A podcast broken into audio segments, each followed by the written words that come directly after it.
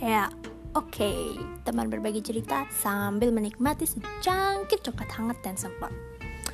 Ya, perpaduan yang tidak nyambung, tapi aku suka sih.